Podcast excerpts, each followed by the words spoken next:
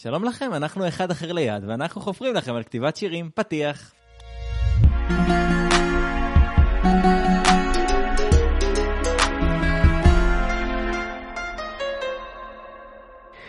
שלום לכם, אני אופיר הדס. שלום לך, אופיר הדס.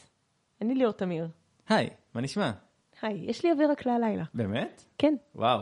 כן. לא, לא באמת. מה, מה, הרצועה לכלבי חונקת אותך? לא. איך זה נקרא השם המלא של הכלי נגינה הזה? הטבקי. הטבקי? כן. הטבקי צריך להמשיך. כן. כן. אוקיי. אני לא באתי, אבל בירים באו.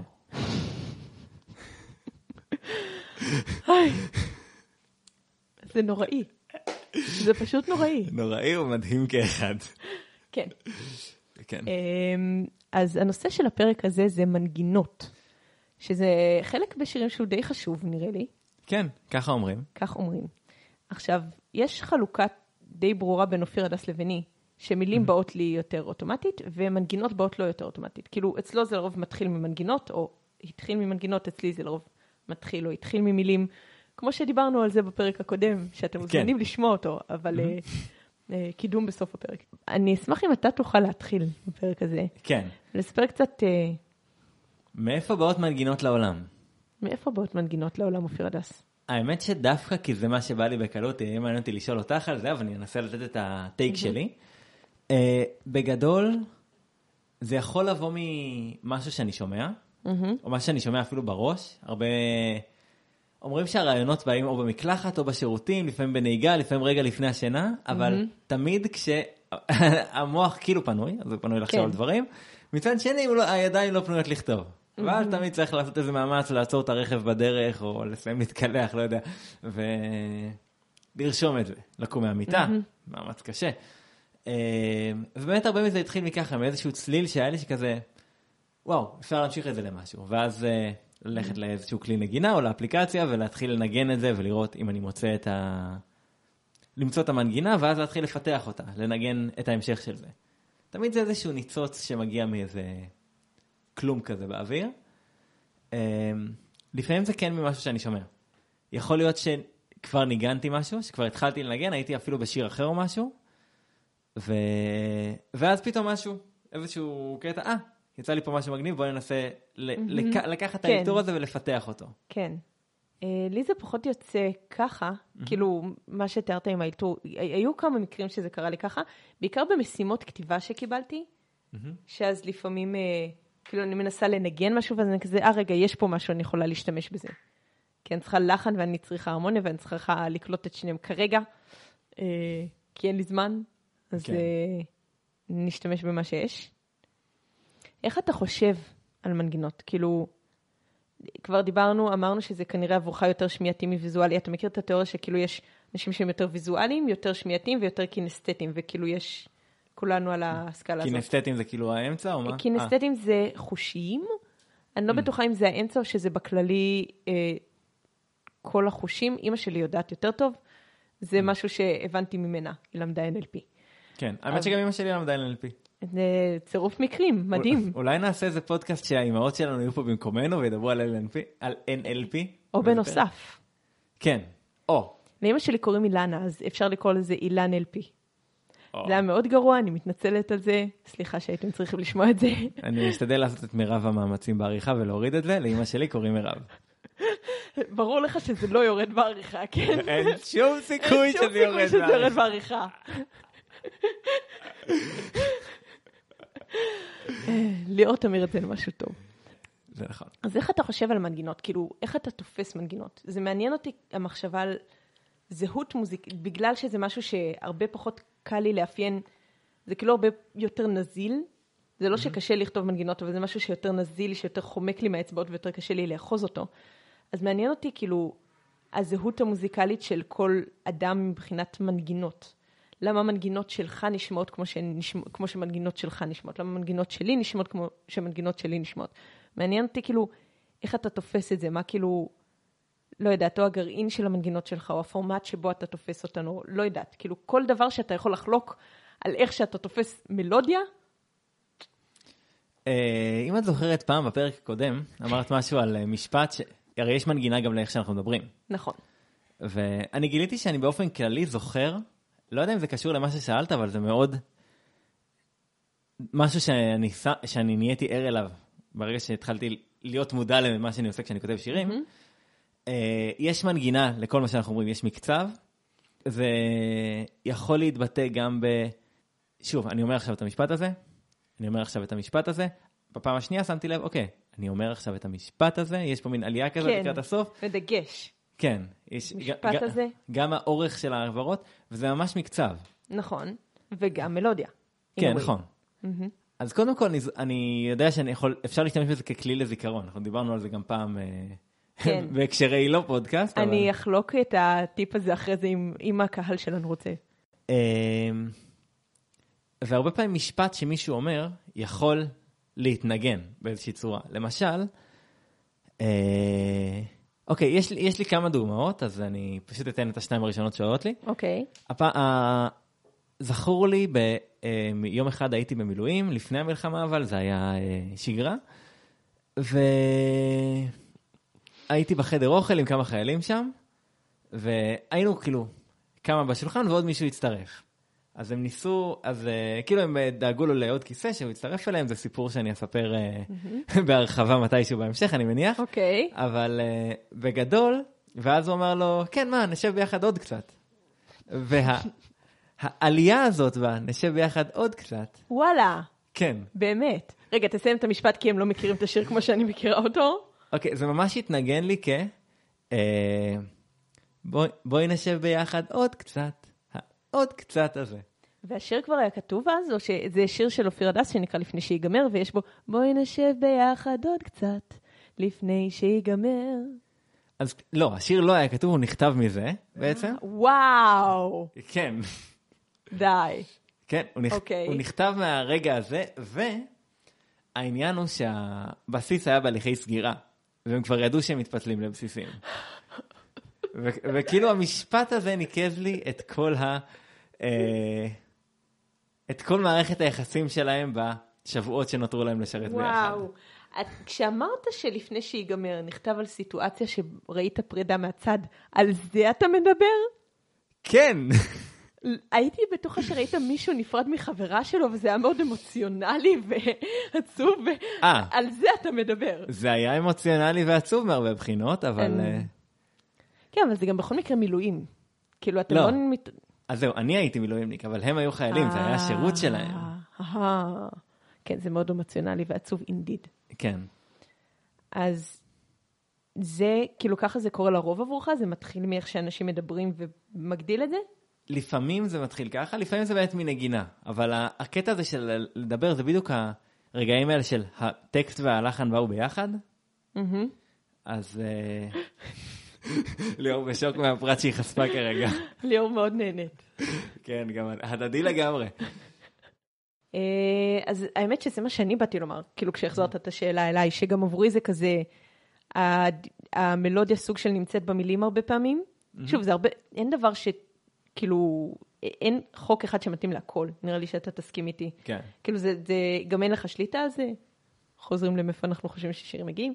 אמ, אז הרבה פעמים המלודיה כבר נמצאת במילים, גם כאילו מעצם המילים עצמה, איך היית מדבר אותן, אה, וגם מעצם הרגש בהם. נגיד, אה, יש לי שיר שנקרא מטווח מאחורי המגורים, שכאילו זה הקטע עם אלבום אימא, שרובו היה כאילו טקסטים שלא היו רשמית מולחנים, אבל כזה, יש דברים שכזה הרעיון, כשבאתי להלחין אותו, אז כאילו הלחן כבר היה, כאילו חשבתי על זה בראש כן. עם לחן כבר. אה, המטווח, לא חשבתי עליו בראש עם לחן כבר, ואז הייתי צריכה להלחין אותו. אה, וכזה, המחשבה שלי הייתה על הרגש, כאילו זה, זה שיר שצריך לכאוב בבטן, אז כאילו, כן. אה, אפשר לשכב שם באמצע הלילה ולחשוב על הכל, אבל תיזהרו כשאתן נראות זה יכול גם לפגוע, ואפשר ליפול. זה כאילו, לא יודעת מה הגוף שלך רוצה לעשות עם זה. כן. אה, אבל גם אני תופסת את זה סוג של בדרך מאוד ויזואלית. כאילו, תחשוב שהמלודיה היא כמו קו שמצייר באוויר, כאילו די ליטרלי הוא עולה ויורד והוא יכול להתפתל ולעשות צלצולים, מהמם. והמילים כאילו מושחלות עליו. כן. אז זה סוג של ככה עבורי הרבה פעמים. כן. לימדתי את זה כמילים משובצות על זה. כאילו ממש, אה, כן, אני יכולה להבין. אבל כן. אה, זה מעניין, כי דווקא המטווח, כאילו, לא חשבתי על זה אף פעם, אבל זה ממש באמת ה... כאילו, לפגוע שהוא גבוה, ולא יודע, יש שם ממש... יש מצב, ש- כאילו, יש הרבה תת מודע נראה לי שעובד בכל הקטע הזה גם. כן. כן, אבל נגיד בהיריון ממש שמתי לב לזה, שכאילו יש את הלאט, לאט, שזה ממש איך שאנשים מדברים. וואלה. כן, לאט, לאט. כן, נראה לי כאילו, שיש לך הרבה יותר תובנות לגבי המלודיה של איך שאנשים מדברים ממה שחשבתי אני לפני שאמרת את זה. לא חשבתי על זה עד הרגע, אבל ברגע שאמרת, כאילו, רעיון, אז כזה, כן, נכון, ככה מדברים, כאילו, לא, אבל זה- האמת שזה היה מהשירים שדווקא זה פשוט כאילו נכנס. מהמם, זה פשוט היה ככה. כן, גם לפעמים יש לך רעיון שנובע באמת, נראה לי, ממשהו ששמעת או ממשהו שמגניב. נכון? כן, נכון. כאילו יש מנגינות כאלה שהן יפות, במרכאות פופיות כאלה לפעמים, שהן לא... לא- שאתה רואה שזה כנראה לא בא כתוצאה ממשהו ש... שאנשים אומרים. כאילו, נגיד, אני אתן דוגמה. טון טון, טודו טון, טודו טון, טודו טון, טודו טון, טודו טון, טודו טון, טון טון טודו טון, טון, טודו טון, טון, טון, טון, טודו טון. זה אה, ריף מתוך שיר של אופיר הדס. אה, וכאילו, לרוב אנשים לא מדברים ככה, כן. כן. בדרך כלל כן. זה פשוט כאילו, לא יודעת, איזה ציור יפה. ככה המוח שלי כן. קולט את זה. אז מאיפה זה בא? אה, האמת שזה באמת פשוט כי זה מגניב, זה, השיר הזה נגיד התחיל מ- מהמנגינה הזאת. וואו, איזה כיף זה לספר את הדברים האלה.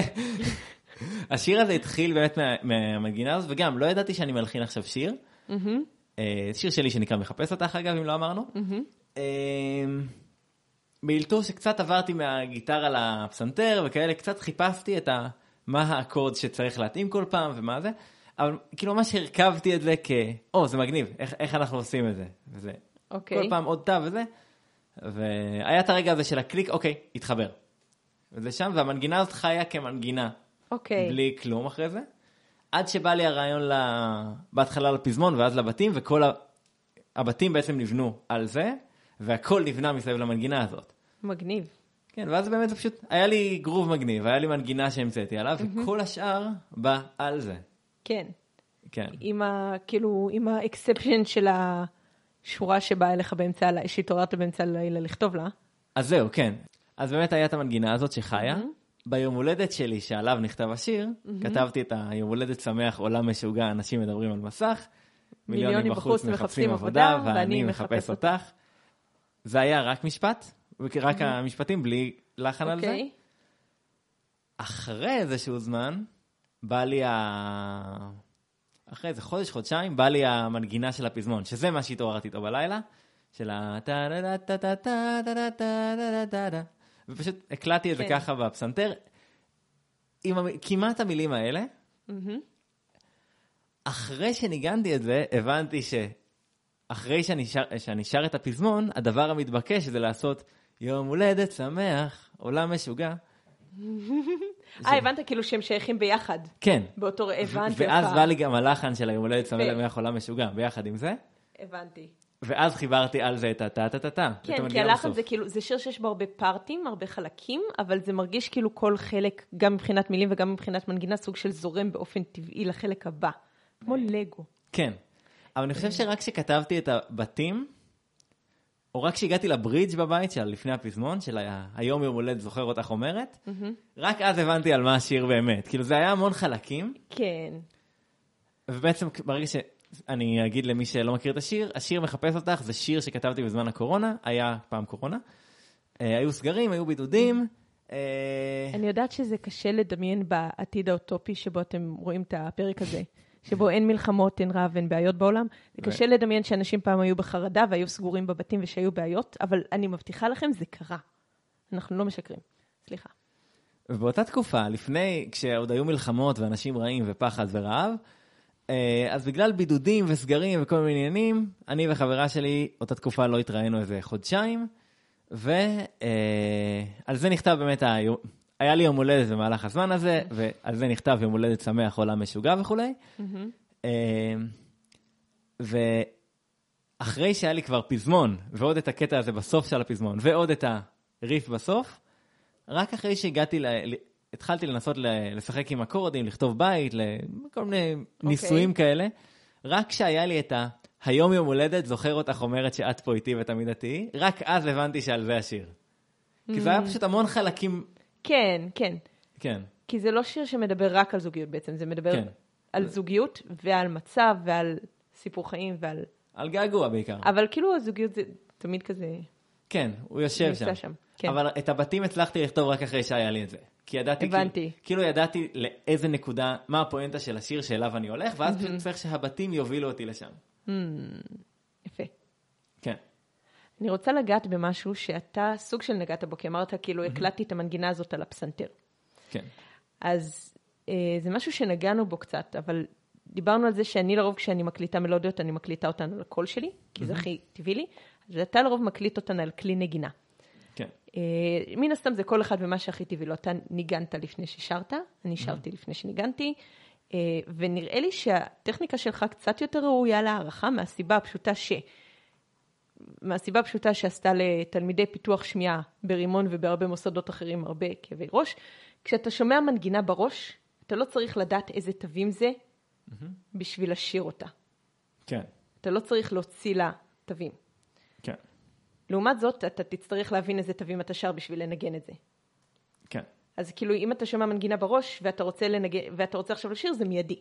אם אתה רוצה לנגן את זה עכשיו על כלי, אז אתה צריך כאילו שמיעה טובה כדי להבין את התווים. שאגב, אה, אופיר הדס, יש לו שמיעה מדהימה, אה, הוא כל יום רביעי עושה נוהל שהוא נותן לאנשים להתקיל אותו להוציא שירים משמיעה, והוא מעלה אותם לטיקטוק ולאינסטגרם. באינסטגרם, ל- אבל- כן. גם לטיקטוק, גם לטיקטוק זה מגיע. לא כן. משנה, אני- הבנתם? והוא מנגן על מלא כלים, וה, אה, ואם תראו את הצ'ארטים של השירים שלו, תבינו למה כל הנגנים שלו שונאים אותו, ומורים ברימון היו מזילים על זה, מורים של הרמוניה של הג'אז ברימון היו מזילים על זה ריר, אבל הוא לא עושה את זה ממקום של להתנשא, זו פשוט האוזן שלו. אמ, וזה יפה, אבל הפוינט בינג, שאתה כותב את זה כאילו קודם כל על כלי נגינה. אה, ובוא נדבר שנייה על הקטע של לכתוב מלודיה ממקום של voice, לעומת ממקום של כלי נגינה. זהו, גם רציתי לשאול אותך על זה, כי באמת, את אמרת שאת אה, שרת לפני, ש... לפני כן. שידעת לנגן, וגם כתבת שירים לפני שהתחלת לנגן. אז איך בעצם, כאילו, להלחין עם שירה? פרטי נמקי ותני דוגמה. אמ, הכי טבעי לי, כאילו כשאני שומעת שיר, הדרך שאני אוטומטית תופסת את זה, היום פחות, כי אני יותר שומעת שירים, כן. אבל עד גיל 18 בקושי שמעתי שירים במובן של לשבת להקשיב למוזיקה, אלא הדרך שלי לשמוע שירים הייתה, אני שומעת את השיר, אני לומדת אותו בעל פה, ואז אני הולכת ברחוב, slash שוטפת כלים, slash לומדת בכיתה, פשוט שרה לעצמי, ושומעת את הזמרת איתי. אמ, אז זה יוצר מין tunnel vision כזאת לשירים. אני לומדת מילים יחסית מהר, מלודיה יחסית מהר, אבל בגרסה המופשטת שלה, וכל היתר, ההפקה, אקורדים וכאלה, זה מין כזה צבע ערפל כזה שעוטף את המילים והמנגינה. אה, שזה היה במיוחד ככה, שוב, עד שלמדתי לנגן. אה, עכשיו זה קצת פחות, כי כאילו, כשאתה מתמקד במשהו ולומד עליו יותר, אז המוח שלך יותר מפתח את האזור הזה. אה, אבל כן, אז זה היה לי מאוד טבעי, כאילו אני... ככה, כי ככה אני שומעת שירים, אני שומעת קול ששר מילים ומנגינה. כן. אז כשיש לי רעיון, זה כאילו הקול ששר את המילים ומנגינה, וזה לא שלא היה לי רעיון להרמוניה. כאילו, יש לי רעיון להרמוניה בראש, וכאילו ברגע שלמדתי אקורדים, אז יכולתי להבין, אה, אוקיי, זה האקורד שאני רוצה שם, זה האקורד שאני פחות רוצה שם. אה, אבל לא היה לי את הידע איך לעשות את זה, או שדבר כזה קיים בכלל לפני זה. אבל המילים והמנגינה, זה כאילו כמו ש... אוף, כמו שיש לך חולצה באיזשהו צבע עם הדפס בצבע אחר, כן. ואז אתה רוצה להעתיק את ההדפס לדף, אז אתה תצייר את ההדפס. כן. אתה לא תצבע את הצבע של החולצה. כן. אני מקווה שזה כן, הגיוני איכשהו. שכאילו יש את הפרונט ויש את כן. הבק. עכשיו אתה לא תתחמק, איך זה להלחין קודם על כלי? שוב, זה מה שאני התרגלתי, זה מה שאני רגיל אליו. אה, על כלי זה כאילו הכי בא לי בקלות, כי אני יכול לדעת, אה, אפילו יודעת מה, זה תלוי איזה כלי, כי כל כלי יכול להוציא דברים אחרים. כן, זה נכון.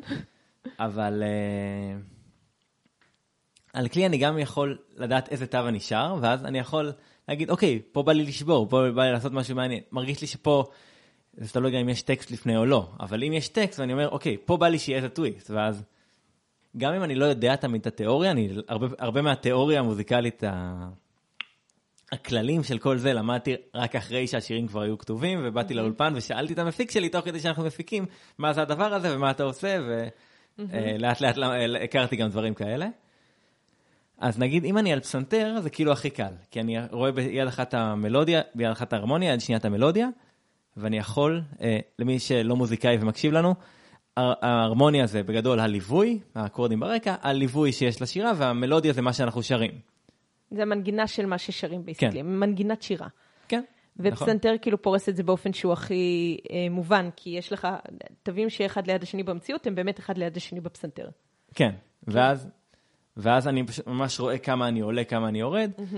ואז נורא קל יד אחת להמציא אה, אקורדים, יד שנייה לנגן מנגינה, וכל פעם שבא לי איזה טוויסט של אני אומר פה הטקסט צריך את זה, או פה מרגיש לי שהלחן צריך להתפתח למשהו, אז אני יכול, אני יודע אם אני עושה את זה מפה או מפה, זה יכול להיות גם בשילוב, הרבה פעמים זה בא, באמת. אה, שאני שם איזשהו תו לא קשור ב, ב, במלודיה, ואיזשהו אקורד שיתאים לו, ואז זה כן מתחבר. הבנתי. כן, אני בגדול אוהב על את השבירות האלה של זה לא, כן. אה, זה לא בדיוק התו שאמור להיות שם במרכאות מבחינת. התיאוריה, אבל זה מה שאני מחפש שם באוזן. כן. אבל זה נשמע שהמנוע שמניע אותך זה רגשי, כאילו איזה אפקט רגשי זה גורם לך. כן, נכון. ואז איך אני מחפש את הדבר המלודי שיעשה את זה. כן, נכון, כן. המלודי הוא הרמוני, אבל כן. כן. האמת שדוגמה בעניין הזה, הייתי פעם בהופעה של טיפקס. אוקיי. ויש לקובי עוז, קודם כל קובי עוז קורע. יש לו, יש לו בדיחות שהוא מספר על במה, ש... לפעמים זה מצחיק כזה בזמן אמת, אבל לפעמים כזה, אני חוזר הביתה, אני חזרתי הביתה אחרי שעה, בשתי הופעות שלו הייתי, ובשתיהן יש לו את הפאנצ'ים האלה, אני חוזר הביתה אחרי זה, הוא אמר עכשיו שבתופים יש גלוטן, וכזה, בא לי, בא לי להבין את זה. אוקיי, אז אולי כדאי שאני אספר את הפאנץ' הזה באמת. הוא סיפר... פאנץ' של התופים? כן. אה, אוקיי, אז אה, הוא סיפר שהם התאחדו עם הלהקה אחרי הרבה שנים, וזה היה יותר קשה, כי מצד אחד הצטרפה להם זמרת, ומצד שני המתופף חזר בתשובה, ואז המתופף קם וראו שהוא כולו אה, חרדי. והוא אמר, ואז יש בעיה עם שירת נשים. אז מה הוא עשה? הוא הלך לרב שלו, והרב אמר לו, אתה יכול להופיע איתה, זה לא בעיה, פשוט תדאג שבאוזניות, במוניטור, שכל הלהקה שומעים אחד את השני, שומעים את כל ה... כן. את הצלילים של כולם. שאתה לא שומע אותה. כן, שרק אותה הוא לא שומע. אוקיי. ואז הוא אומר, עכשיו היא הלכה לגורו שלה, והוא המליץ לה לא לשמוע תופים כי יש בזה גלוטן. וככה עם חרשות הדדית הצלחנו לאחד את עם ישראל. והוא פשוט אומר את המשפט הזה, וממשיך לשיר, וכל הקהל כזה, כן, סבבה, תופים גלוטן, אין בעיה. ואחרי איזה שעה בבית אני כזה, זה מה שהוא אמר, ואני מת מצחוק. כאילו. אני הייתי בטוחה, כשאמרתי שאני חייבת לדעת את זה, אני הייתי בטוחה שהולך להיות פאנץ' שמסביר למה בתופים יש גלוטן. לא יודעת, אבל, אבל לא, פשוט, נונסנס כאילו, משוגע. פשוט בתופים יש גלוטן, אוקיי. כן. סבבה, מסתבר שבת... זאת אומרת שאי אפשר, לא. באתי לומר שאי אפשר לנגן תופים בפסח, אבל גלוטן וחמץ זה לא אותו דבר. כן, זהו. גם במצע יש גלוטן. כן, מישהו שעושה איתי מילואים צליאקי והוא ממש התעצבן על זה, הוא אומר, למה, למה לא עושים את זה גם בלי גלוטן בפסח? זה רק מקשה עלינו עוד יותר. זה נכון. מה שהתכוונתי אבל להגיד על טיפקס, זה שהוא, כן. שהוא סיפר, יש לו הרבה סיפורים כאלה של מהאירוויזיון, או אפילו כשהוא הופיע כשהוא היה קטן, ואז הוא אומר כזה, וכל הקהל עשה כזה, אה? עכשיו, אצל, אצל טיפקס זה כזה בקטע קומי, של ה, הם עושים משהו הזוי, הם עושים משהו מוזר, הם, הם מספרים פאנצ'ים בין השירים, הם מספרים פאנצ'ים תוך כדי השירים. אה, אצלי אני רואה את זה כמשהו שהוא גם רגשי, של ה... אני מחפש את ה... אם הטקסט, לא רק הטקסט צריך לדקור, יכול להיות שהטקסט יהיה פשוט, אבל יש איזה אקורד או משהו שקורה בליווי, ברקע, שיהיה כזה אה, כן. טיפה... למרות שאני כן אגיד שלפעמים משיגים אפקט יותר גדול אם רק הטקסט דוקר והליווי לא דוקר, או אם רק הליווי דוקר והטקסט לא דוקר. זה, זה תלוי במקום. כן, זה תלוי כן. מה, זה גם יכול להיות over drama אם זה שניהם ביחד. כן. ו... Mm-hmm. אם כבר, אז אמיר בניון הוא דוגמה טובה לזה, מזכירים אותו בכל פרק. ש...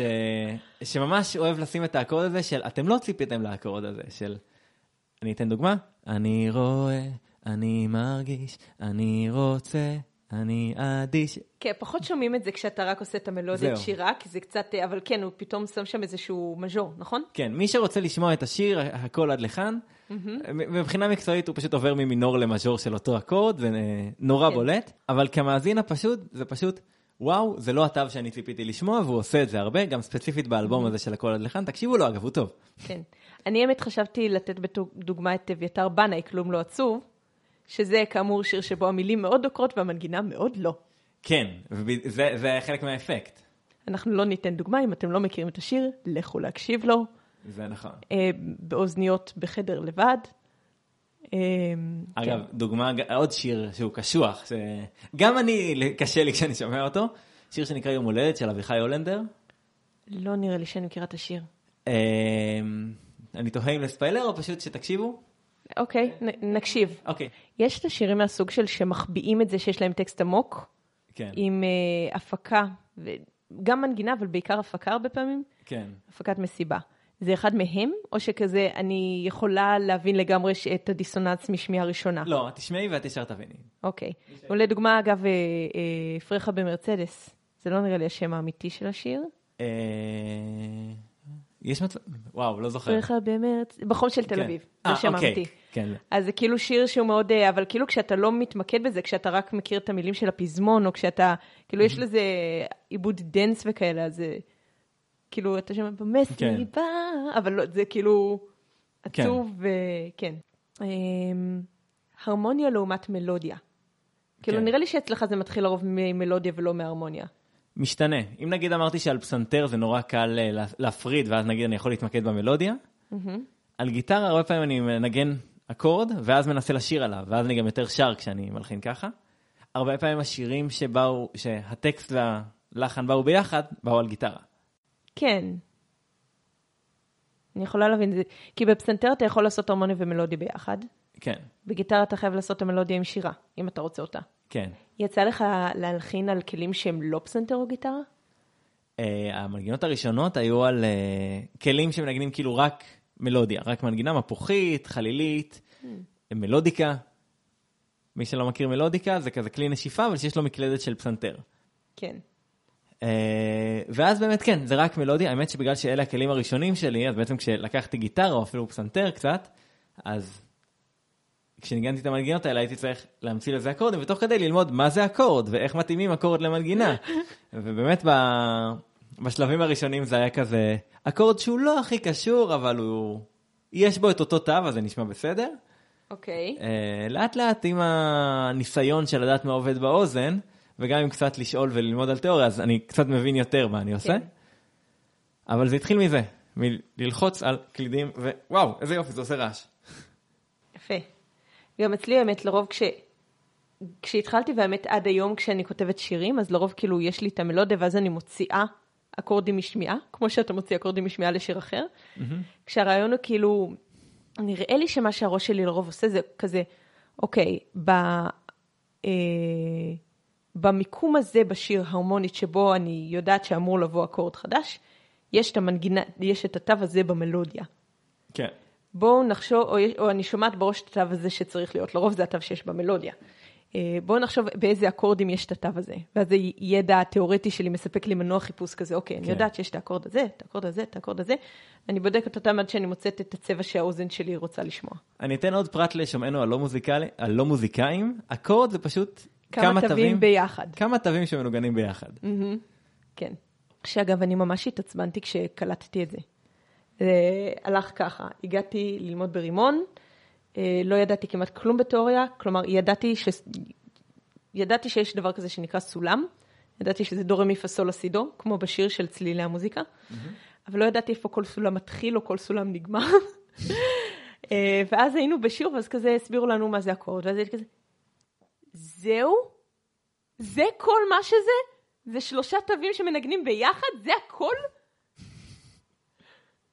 כן, אני, אני, אני גם זוכר, זה היה פחות אה, דרמטי אצלי כשגיליתי את זה, אבל אה, כן. כן, האמת שגיליתי את זה פשוט כי מעיין למדה אורגנית שנה, מעיין זו אחותו. מעיין אחותי למדה כן. אורגנית שנה כשהיינו קטנים, אה, וחלק מהפעמים גם, אה, זה היה כשכבר הייתי עם הכלי נגינה יותר של הקפוארה. וזה, אז מדי פעם הכנסתי ראש לשמוע שיעור, מדי פעם שאלתי שאלות, הסתכלתי לה בספר. נחמד. אתה יכול ללמד את האופיר שיש לי בבית, או את, ה... או את עמית שיש לי בבית? יש לי שני אחים בשם אופיר ועמית. עמית לומד גיטרה, כל פעם שאני מנסה ללמד אותו משהו בתיאוריה, הוא עזבי, עזבי, המורה שלי כבר יסביר לי. אנשים שאוהבים להסביר זה בעיה. זה בעיה כשאין לך אנשים שאוהבים שיסבירו להם מסביב. כן. אז אתה עושה פודקאסט כדי שייתנו לך... שיהיה אחד אחר ליד. כן, זה חשוב. בדיוק זה. זה, זה מאוד חשוב שיהיה אחד אחר ליד כשאני שר. זה נכון. יצא לך לכתוב אה, אה, שיר על כלי שהוא לא פסנתר או גיטרה, שהרגשת שזה כאילו נתן אפקט מסוים לשיר שכתבת? אמ, כאילו לא, אבל יש... אה, כן קרה שהתחלתי לנגן על כלי אחר, ואז כאילו, שמשם זה בא. למשל, אמ, יש לי שיר שנקרא משהו מוכר, כן. שהיה לי את, הגיט... את האקורדים שלו, ואת ה... כאילו כבר היה לי את השיר פחות או יותר מוכן, רק כשישבתי עליו עם בוזוקי וכזה, אמרתי כזה, וואו, זה הצליל שצריך להיות שם. וזהו, ואז החלטתי שהשיר הזה באמת מוכן, למרות שתכלס לא שיניתי כלום בשיר עצמו, זה רק ה... האווירה המסיבתית הזאת של החפלה ש... כן. יש, אמ, כאילו אני חשבתי בראש על, כי בדיוק איפה שאני יושבת אני מסתכלת, תלויה על הקיר יוקללה וקוואקיו. אני חשבתי, יש אה, באלבום של בילי אייליש, אה, When we all fall asleep, where do we go, שאני לא יודעת אם שמעת אותו, לא יודעת עד כמה אתה מושכל בבילי אייליש. יש שיר שנקרא 8, כאילו 8, כן. והוא מנוגן על יוקללה. וכאילו זה גרם לי לחשוב שהרבה פעמים שירים שמנגנים על יוקללה, אוטומטית יש להם סאונד מסוים. סאונד כן. של יוקללה, אבל כאילו, זה אוטומטית לוקח את הראש שלך למקום מסוים. אז חשבתי, אם אתה יושב וכותב שיר מלכתחילה על יוקללה, האם זה גורם לך לכתוב סוג מסוים של מנגינות, סוג מסוים של גרוב, סוג מסוים של, אה, סוג מסוים של שיר. אמ, לא חושב שיצא לי לכתוב על יוקללה. אני יכול להגיד לך... יוקללה לצורך העניין כן. יכולה להיות כל כלי נגינה. כן. אמ, כן לנגן משהו, הרבה פעמים, אה, גם אמרתי לך את זה בסשן שאנחנו כותבים ביחד, של הרבה פעמים לשנות, אם הגעתי לאיזשהו משהו בכלי מסוים, ואני מרגיש שאני רוצה לפתח את זה, לשנות סביבה יכול לעזור. לשנות סביבה יכול להיות או לעבור מנגינה לשירה, או להחליף כלי, אה, או באמת להתחיל להקליט את התפקידים שיש לי, ואז על זה לבנות עוד דברים.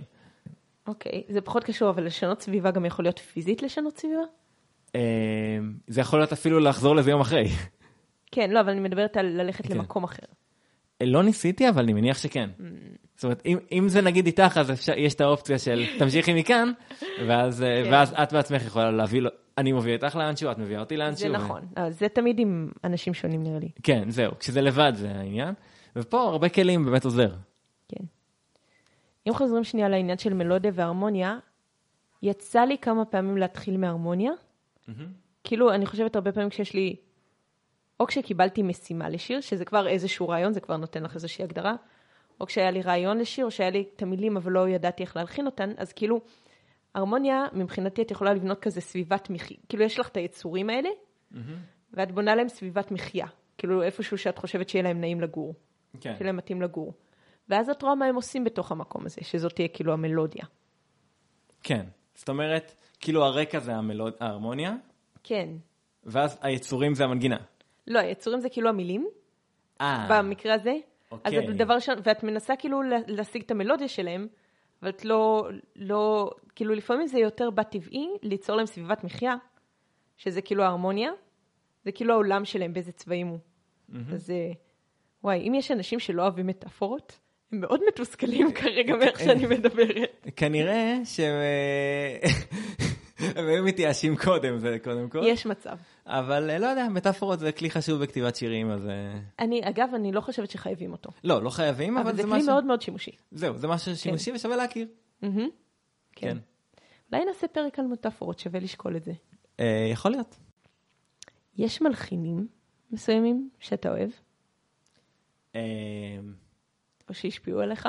אני דיבר- יודעת שאתה עומד לומר אמיר בן זהו, כבר דיברנו על אמיר בניון בפרק הזה, צריך שוב. אבל כן, הקטע הזה של ה...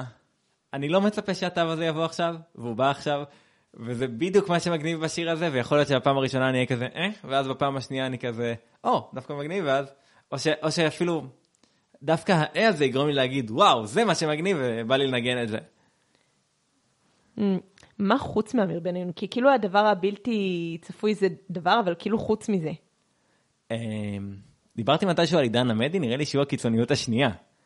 שדווקא מזה שהקול אצלו נורא פשוט והאקורדים אה, קלים, כן. השיר הראשון שניגנתי, למדתי על גיטרה לצורך העניין, כאב של לוחמים. שלושה אקורדים.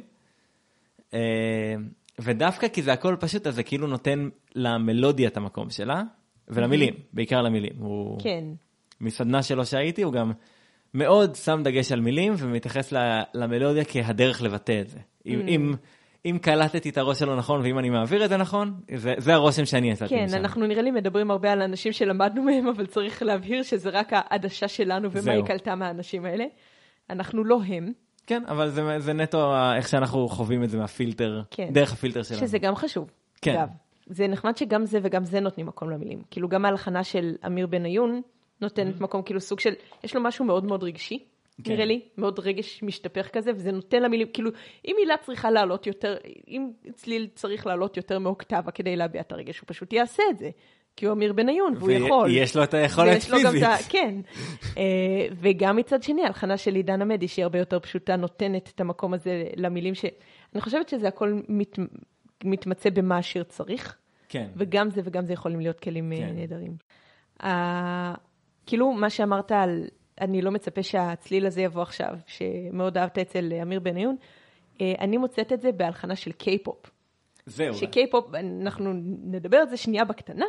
אני אוהבת קיי-פופ, אה, כרגע בתקופת ניקוי רעלים ממנו, אבל אה, בכללי, קיי-פופ זה ז'אנר מאוד מאוד רחב, שמאגד בתוכו פחות או יותר את כל הז'אנרים, והרבה פעמים אה, תופר אותם ביחד בשיר אחד, ובגלל שזה ז'אנרים, כאילו תחרות מאוד, אה, מאוד אינטנסיבית, ועוד כל מיני מאפיינים של זה, אז יש הרבה דברים מאוד אקספרימנטליים, וגם מבחינת מוזיקה. יש להם הרבה, הרבה כותבי שירים זכורים שהם basically, זה שילוב של פופ עם הרבה, הרבה ג'אז, וכאילו אתה תשמע כל מיני דברים מוזרים שלא היית מצפה לשמוע, גם מבחינת מלודיה, גם מבחינת הרמוניה. כן. וכן, לפעמים כאילו כשהאוזן שלך רגילה לשמוע את אותו דבר, או רגילה לשמוע דברים, רגיל, דברים מסוג מסוים, mm-hmm. כשאתה שומע משהו שונה, אז כאילו אתה אוטומטית מתמגנט לזה. כן, נכון. כן. האמת שיש לך את אוויר רק להלילה, ששם הליווי זה רק או, מנגינה. אוקיי, מה רצית לשאול לגבי זה? מאיפה זה בא, מאיפה הרעיון? אוקיי. ספרי על זה קצת. אז ככה, אז הסיפור של איך, נכון שסיפרתי שהגעתי לרימון ואז גיליתי שאקורדים זה basically כמה תווים שמנגנים ביחד והתעצבנתי ממש? זה נכון. אז זה היה כאילו, זה היה קורס הכנה לרימון, כי בגדול כשאתה מתחיל ברימון אתה צריך כבר לדעת את זה, אבל הם עושים קורס הכנה. אז הקורס נגמר ואז הייתי כזה, טוב, אז בעצם חשבתי כל הזמן שאני לא יכולה להלחין, להלחין אה, מנגינות, כאילו ללוות את השירים שלי, כי אני לא יודעת אקורדים, אבל עכשיו אני מבינה מה זה אקורדים. בוא, בואו נעשה את זה. וידעתי כאילו כבר שהשיר הראשון ב Cloud Conspiracy וזה, זה אוויר רק להלילה.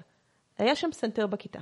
כולם יצאו החוצה, הלכתי לפסנתר, והתחלתי להוציא אקורדים, זו הייתה מלאכה סיזיפית. אבל ממש אקורדים, הייתי כזה, אוקיי, זה התו, ואז אני אוסיף את זה ואת זה. הוצאתי, כתבתי, הלכתי הביתה. חזרתי יום למחרת, ניסיתי לנגן את זה, עזוב את זה שלא ידעתי לנגן אז עוד יותר ממה שאני לא יודעת לנגן היום. פשוט cringe בכל הגוף, והמוח שלי היה, זה לא מה שהשיר הזה רוצה. ואז התחלתי לנגן פשוט צלילים מסוימים שהלכו לי טוב עם המילים, כאילו רק תווים בודדים. כן. שזה basically הליווי שיש לזה היום. והייתי כזה, אוקיי, זה עובד לי הרבה יותר טוב. זה מה שהמוח שלי רוצה לשמוע כאן. אה, והיה איזשהו שיעור שרציתי לבצע את זה בו, ישבתי עם איזשהו בסיסט, והוא ניגן את זה, כי זה basically מזכיר תפקיד בס, והייתי כן. כזה, אוקיי, זה עובד.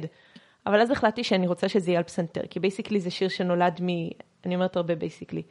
מאמצע הלילה, ואת צופה בשמיים וכוכבים יוצאים, ואני בספק אם תפקיד בס יכול להיות כוכבים יוצאים באמצע הלילה, אבל פסנתר יכול. בהפקה שלו את מדמיינת רק פסנתר? כן, ההפקה שלו אני מדמיינת בדיוק איך שאני עושה את זה ב live. הייתה תקופה שחשבתי שב C part יצטרף כאילו אה, מכונת תופים במלוא הדרה, כאילו מלא סאונדים של percussion, רק ב... כאילו יש את החלק שאומר, אה, ואת יחפה אל תוך הלילה, זה. אה, אבל קצת ירדתי מזה. גם קשור, קשור לזה העובדה שאין לשיר הזה קליק, אין לו BPM קבוע, זה תמיד הקצב שבו יוצא שאני מבצעת את זה, שזה מאוד מאתגר, אבל מצד שני, שוב, זה שיר שמאוד בודק את ה... עד כמה אני נוכחת באותו רגע, אם הוא מצליח או אם לא. אה, אז זה חלק מזה, הקצב. זה יהיה שיר שהיא ממש קל להקליט אם ככה. פשוט תצטרכי לבוא נוכחת לה. אה, שזה לא קל. זהו, נכון. זה מאוד לא קל. אוקיי, סליחה, אני אדייק את עצמי. להקליט זה ייקח כמו שייקח להקליט, אבל אה, למי שיעשה את המיקס, שזה החיבור של כל הדברים האלה ולגרום כן. לזה להישמע טוב ביחד, תהיה לא, עבודה אני גם ממש קלה. מקליט את, אצטרך להקליט את הפסנתר ואת השירה בו בו זמנית. נכון. שזה לא כזה בעיה אם יש לך אולפן אה, מספיק מצויד לזה, ספציפית האולפן שלי לא מספיק, לא, לא, זה לא נכון, יש לי stand עכשיו, אני יכולה לעשות את זה, וואו, את יש מחזיקה. לי stand, אני כפיים במעמד יותר. גבוה ממה שהייתי. סוף סוף תוכלי להחזיק מעמד. כן, נגמרה מלחמת המעמדות. מה עוד רציתי להגיד על השיר הזה? זהו, זה מעניין, א', כי פעם אה, ניסיתי לנגן אותו.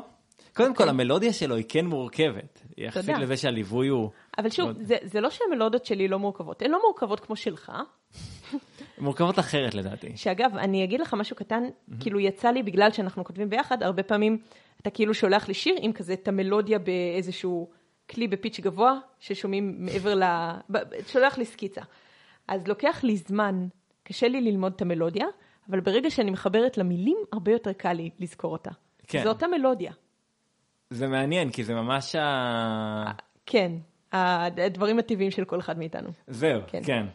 אז זה לא שמלודיות מורכבות זה לא דבר שאני עושה, אני חושבת שזה נורא נובע מעל מה גדלת, כי אני גדלתי על מוזיקה ישראלית ישנה, שכתבו אותה אה, מלחינים קלאסיים וג'אזיסטים, שזה מנגינות מורכבות, ואני מאוד אוהבת את טורי כן. אימוס, שזה מנגינות מורכבות. ואני בטוחה שיכולנו לנתח את זה מעבר ולגלות כל מיני תבניות מלודי, מלודיות בדברים האלה, שקורות בשירים שלי, כמו שאני בטוחה שיכולנו לנתח תבניות מלודיות במלחינים שאתה אוהב, כן. שקורות בשירים שלך.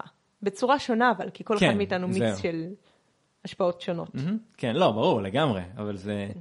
כנראה שאבנו דברים גם בלי לדעת, לא רק הדברים שאנחנו מעידים על עצמנו. לא, מה שאני מנסה לומר זה שגם אם כן. אתה שואב, אתה שואב ממיקס של דברים, כן, זהו. והמיקס הוא שונה אצל כל אדם, אז זה לא באמת גניבה, כי כאילו, כן, ברור. כן. מה שהתכוונתי, כאילו, המ- המלודיה היא גם מורכבת שם אצלך, אה, וה... וההרמוניה זה כאילו פשוט תו אחד שהוא ברקע.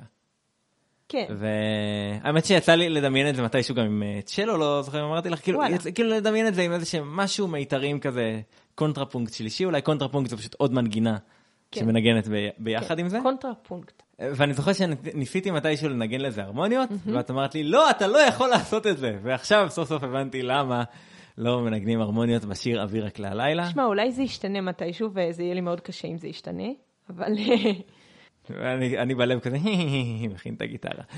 לא, אתה כבר עשית את זה לפני כמה ימים, וזה לא עשה לי cringe, ואני מאוד דאגתי מזה שזה לא עשה לי cringe. כן. לא, לא, כי לא באמת עשיתי הרמוניה, אבל. אה, זה- למה? כן. אה, אוקיי, בסדר, אני יכולה לחיות בשלום עם עצמי. זהו, אה. אז בעצם נראה לי שפה נגמר הפרק שלנו על אה, מנגינות. היי, כאן אה, אופיר וליאור של העתיד. בעיקרון אה, פרק שלוש כבר הוקלט וסיימנו לערוך אותו, ואז אני אמרתי לליאור שטוב, דיברנו על אוויר רק להלילה, האנשים בבית צריכים לשמוע את השיר ולהבין על, על מה אנחנו מדברים, אה, והיא אפילו הסכימה.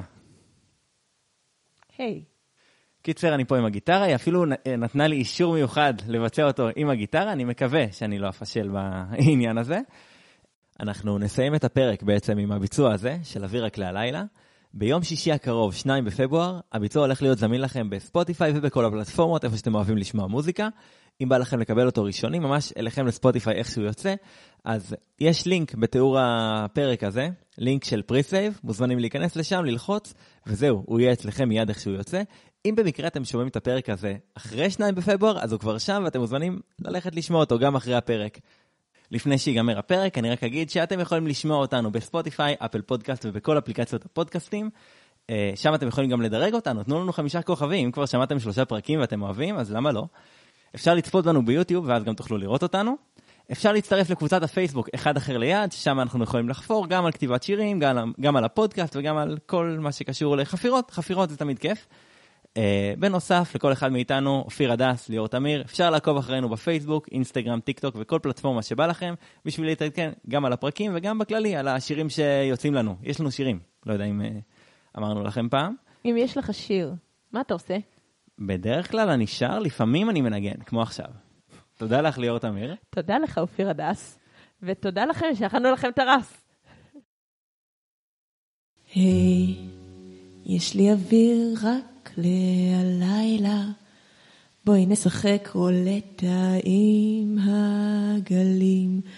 בואי, יש לי אוויר רק להלילה, ואת בונה בו מגדלים. מחר אולי הכל יקרוס לתוך מחנק, תכיני בעיניים את הדמעות, מחר עומד לו אקליפט ענק, מחר הכל יכול לקרות, אבל כל העולם עומד הלילה, ואז אפשר להסתכל כמה הכל דוקר בבטן, גן עדן קרוב לעזאזל. מחר אולי הכל יקרוס לתוך מחנק, כשיגמר לי דבש המלאכות.